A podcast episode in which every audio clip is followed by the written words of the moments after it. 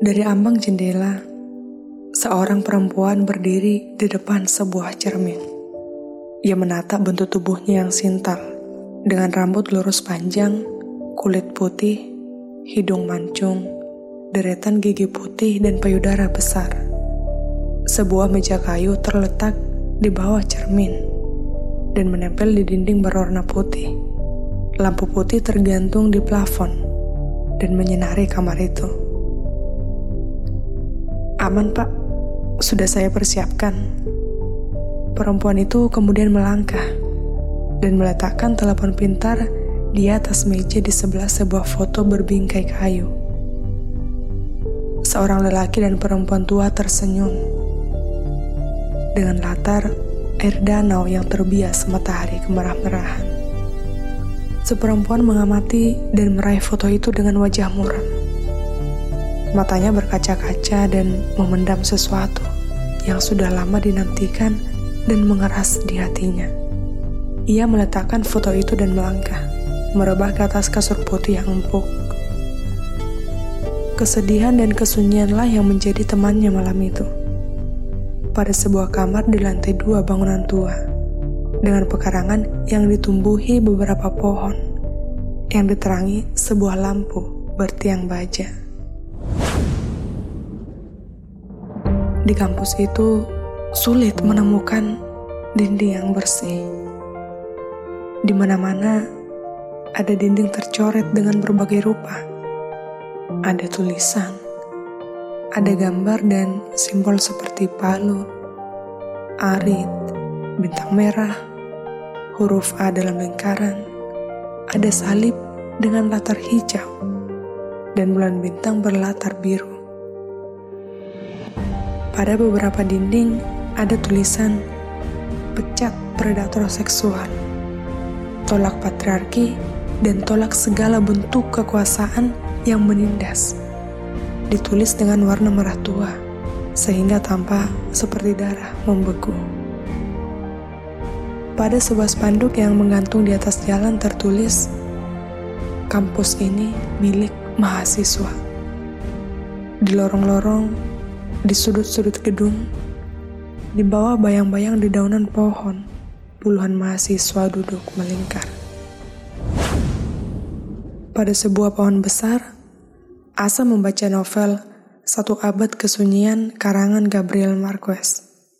Di sebelahnya, Didi tertidur dengan sebuah ransel di bawah kepala. Mira mengetik di laptop, dan Boti duduk bersandar di batang pohon dan berbicara kepada dirinya sendiri. Lama kali dia keluar. Boti menengadah ke daun-daun pohon itu. Mungkin diceramahi. Atau bisa jadi berdebat sama rektor kontol itu. Mira melihatnya sambil lalu dan menyalakan sebatang rokok dengan korek berwarna hijau. Semoga diangkat di DO. Kalaupun dihukum, diskorsing aja, katanya. Eh, jangan, di SPA. Kau bisa kau diam? Mata Mira membelalak dan memelototi Boti yang lantas terdiam. Asa melihat keduanya dan menggelengkan kepala. Sorry, aku lupa lagi. Mira tersenyum menghampiri Boti dan berjongkok di sampingnya. Aku cuma gak fokus karena suaramu. Sebuah permen bertangkai putih diambil dari kantong celananya. Mau permen? Boti menyeringai. Kau memang kayak gitu. Suka kali amnesia. Eh, Gadi keluar. Asa dan Mira memandang ke arah gedung biro rektor. Seorang laki-laki melangkah dari ambang pintu utama gedung itu. Rambutnya panjang, berhidung mancung, kurus, bercelana jeans bolong di bagian lutut, berkaos merah tanpa kerah. Matanya kecoklatan. Wajahnya bersih tak bercerawat. Dan di belakang bajunya tertulis tiga sama. Sama-sama bekerja, sama-sama makan, dan sama-sama tidur. Gimana, Gan? Tanya Asa. Kayak gue bilang tadi, mereka nggak berani. Gadi mengambil sebuah tas berwarna merah di atas akar pohon besar. Jadi apa katanya? Biasalah, cuma ngancam-ngancam aja, terus ceramah. Gadi memakai ranselnya.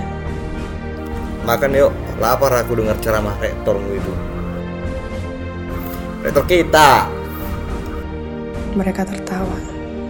Mira menutup laptop memasukkannya ke dalam tas baju putih dan mereka bergegas pergi. Oi, Tangan Boti mengampar lengan Didi. Dia terbangun dan terkejut melihat ke sekeliling.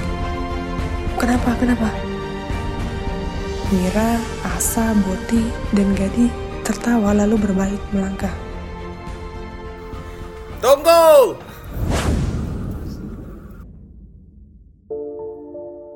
Tiga indomie goreng dan nasi putih telur dadar tersaji di atas sebuah meja kayu. Piring plastik berisi bakwan dibawa Gadi ke meja itu. Mereka duduk di luar, membelakangi jeruji hitam, menghadap ke gedung jurusan etnomusikologi. Kantin itu memiliki dua pintu. Dikelilingi jeruji hitam, pintu pertama menghadap ke lapangan futsal, dan pintu kedua menghadap ke pohon-pohon dan sebuah jalan setapak. Saat mereka makan, seorang lelaki berlari menghampiri mereka. Nafasnya terengah-engah dan kulit wajahnya memerah berkeringat. Mereka memandang ke lelaki itu. Ya kenapa ya kawan ini? Kata Boti. Eh, Ia menutup bibir dengan telapak tangan kanannya. kenapa Bim? Gat, kau dipanggil dekan. Ngapain? Nggak tahu. Gadi memandang mata kawan-kawannya dan meletakkan sendok ke atas piring. Mira dan Asa memandangnya lalu menggeleng. Nggak usah Gat.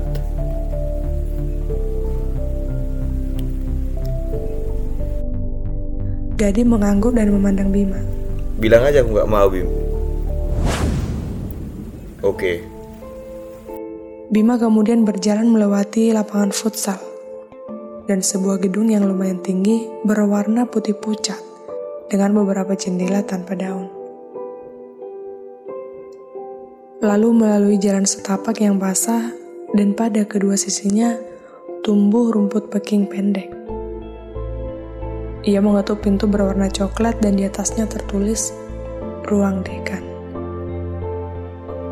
Lantas sejenak kemudian memegang gagang pintu, membukanya lalu masuk ke dalam. Di luar, Gadi makan begitu lahap dan di depannya sudah ada nasi tambah. Mira, Asa, dan Dedi menggeleng senyum memandang Gadi. Sedangkan Dedi tertegun melihat sesuatu ke arah lapangan futsal. Wah, ada yang jemput tuh. Bola mata mereka bergeser ke arah sana dan melihat seorang perempuan berjilbab coklat berjalan mendekati mereka. Setelah nasi di piringnya habis, Gadi menggeser mangkok berisi indomie. Kemudian menyantapnya ketika siku tangan Didi memukul-mukul pinggangnya. Kata Didi berbisik tanpa memalingkan wajah dan tersenyum kepada si perempuan itu. Gat, Gat. Sikuannya semakin kuat dan membuat Gadi meletakkan sendoknya. Apa sih? Kepala Gadi bergeser ke arah Dedi dan terkesiap melihat perempuan itu berdiri di sampingnya. Lanjut aja dulu makannya, Gad. Kata perempuan itu seraya menyentuh sandaran kursi kosong. Eh, iya bu. Gadi senyum dan pipinya berubah memerah. Ibu udah makan. Makan dulu bu. Perempuan itu kemudian duduk dan memandang Gadi. Ibu udah makan. Suasana di meja itu seketika menjadi hening. Dan Gadi melanjutkan makan dengan malu-malu. Keempat temannya bergeming dengan kepala tertunduk. Setelah selesai makan, Gadi dan perempuan itu berjalan menyusuri lapangan. Dan orang-orang yang berjalan dan berada di sekitar itu memandangi mereka. Mereka melintasi sebuah tembok berwarna kuning bercoret-coret dengan sebuah tulisan berwarna hitam. Kaum buruh, tani, mahasiswa, dan kaum miskin sedunia, bersatulah. Mereka duduk berhadapan pada sebuah ruangan kecil dengan beberapa lemari kaca berisi buku-buku. Perempuan itu tertunduk dan menutup keningnya dengan telapak tangan dan sikunya bertumpu di atas meja. Ibu udah berusaha, nak. Kata perempuan itu membuka laci dan meraih sebuah amplop putih lalu meletakkannya di atas meja. Mereka udah terlalu benci sama Mama. Gade membuka amplop itu dan menarik secari kertas dari dalam. Maafkan ibu ya nak, kata perempuan itu. Ibu gak bisa buat apa-apa lagi. Setelah mengamati kertas itu, Gade menunduk dan terdiam. Kemudian ia menatap perempuan itu. Ibu nggak usah minta maaf. Aku yang harus minta maaf. Udah terlalu sering ngerepotin ibu. Gadi berdiri dan mencium tangan perempuan itu. Sekarang aku harus pergi, Bu. Lalu melangkah ke arah ambang pintu. Sekarang kamu mau ke mana, nak? Gadi membuka gagang pintu. Mau ngurus semua ini, Bu lalu keluar menghilang. Wajahnya menunjukkan amarah dan ia melangkah dengan cepat. Ia melalui jalan setapak dan dinding kelabu. Pada dinding itu tertulis, lawan rektor fasis. Mereka tertegun melihat Gadi melangkah cepat, melintasi lapangan futsal dan menggenggam secari kertas. Gadi mengayunkan dan melemparnya ke atas meja. Kasih tahu sama kawan-kawan, kemudian mengambil tasnya dan bergegas meninggalkan mereka. Mira kaget dan mengambil kertas itu. Asa mendekati Mira dan membaca isinya. Mereka saling memandang dan melempar kertas itu, lalu bergegas. Boti mengambilnya. Apa? Deo, kontol.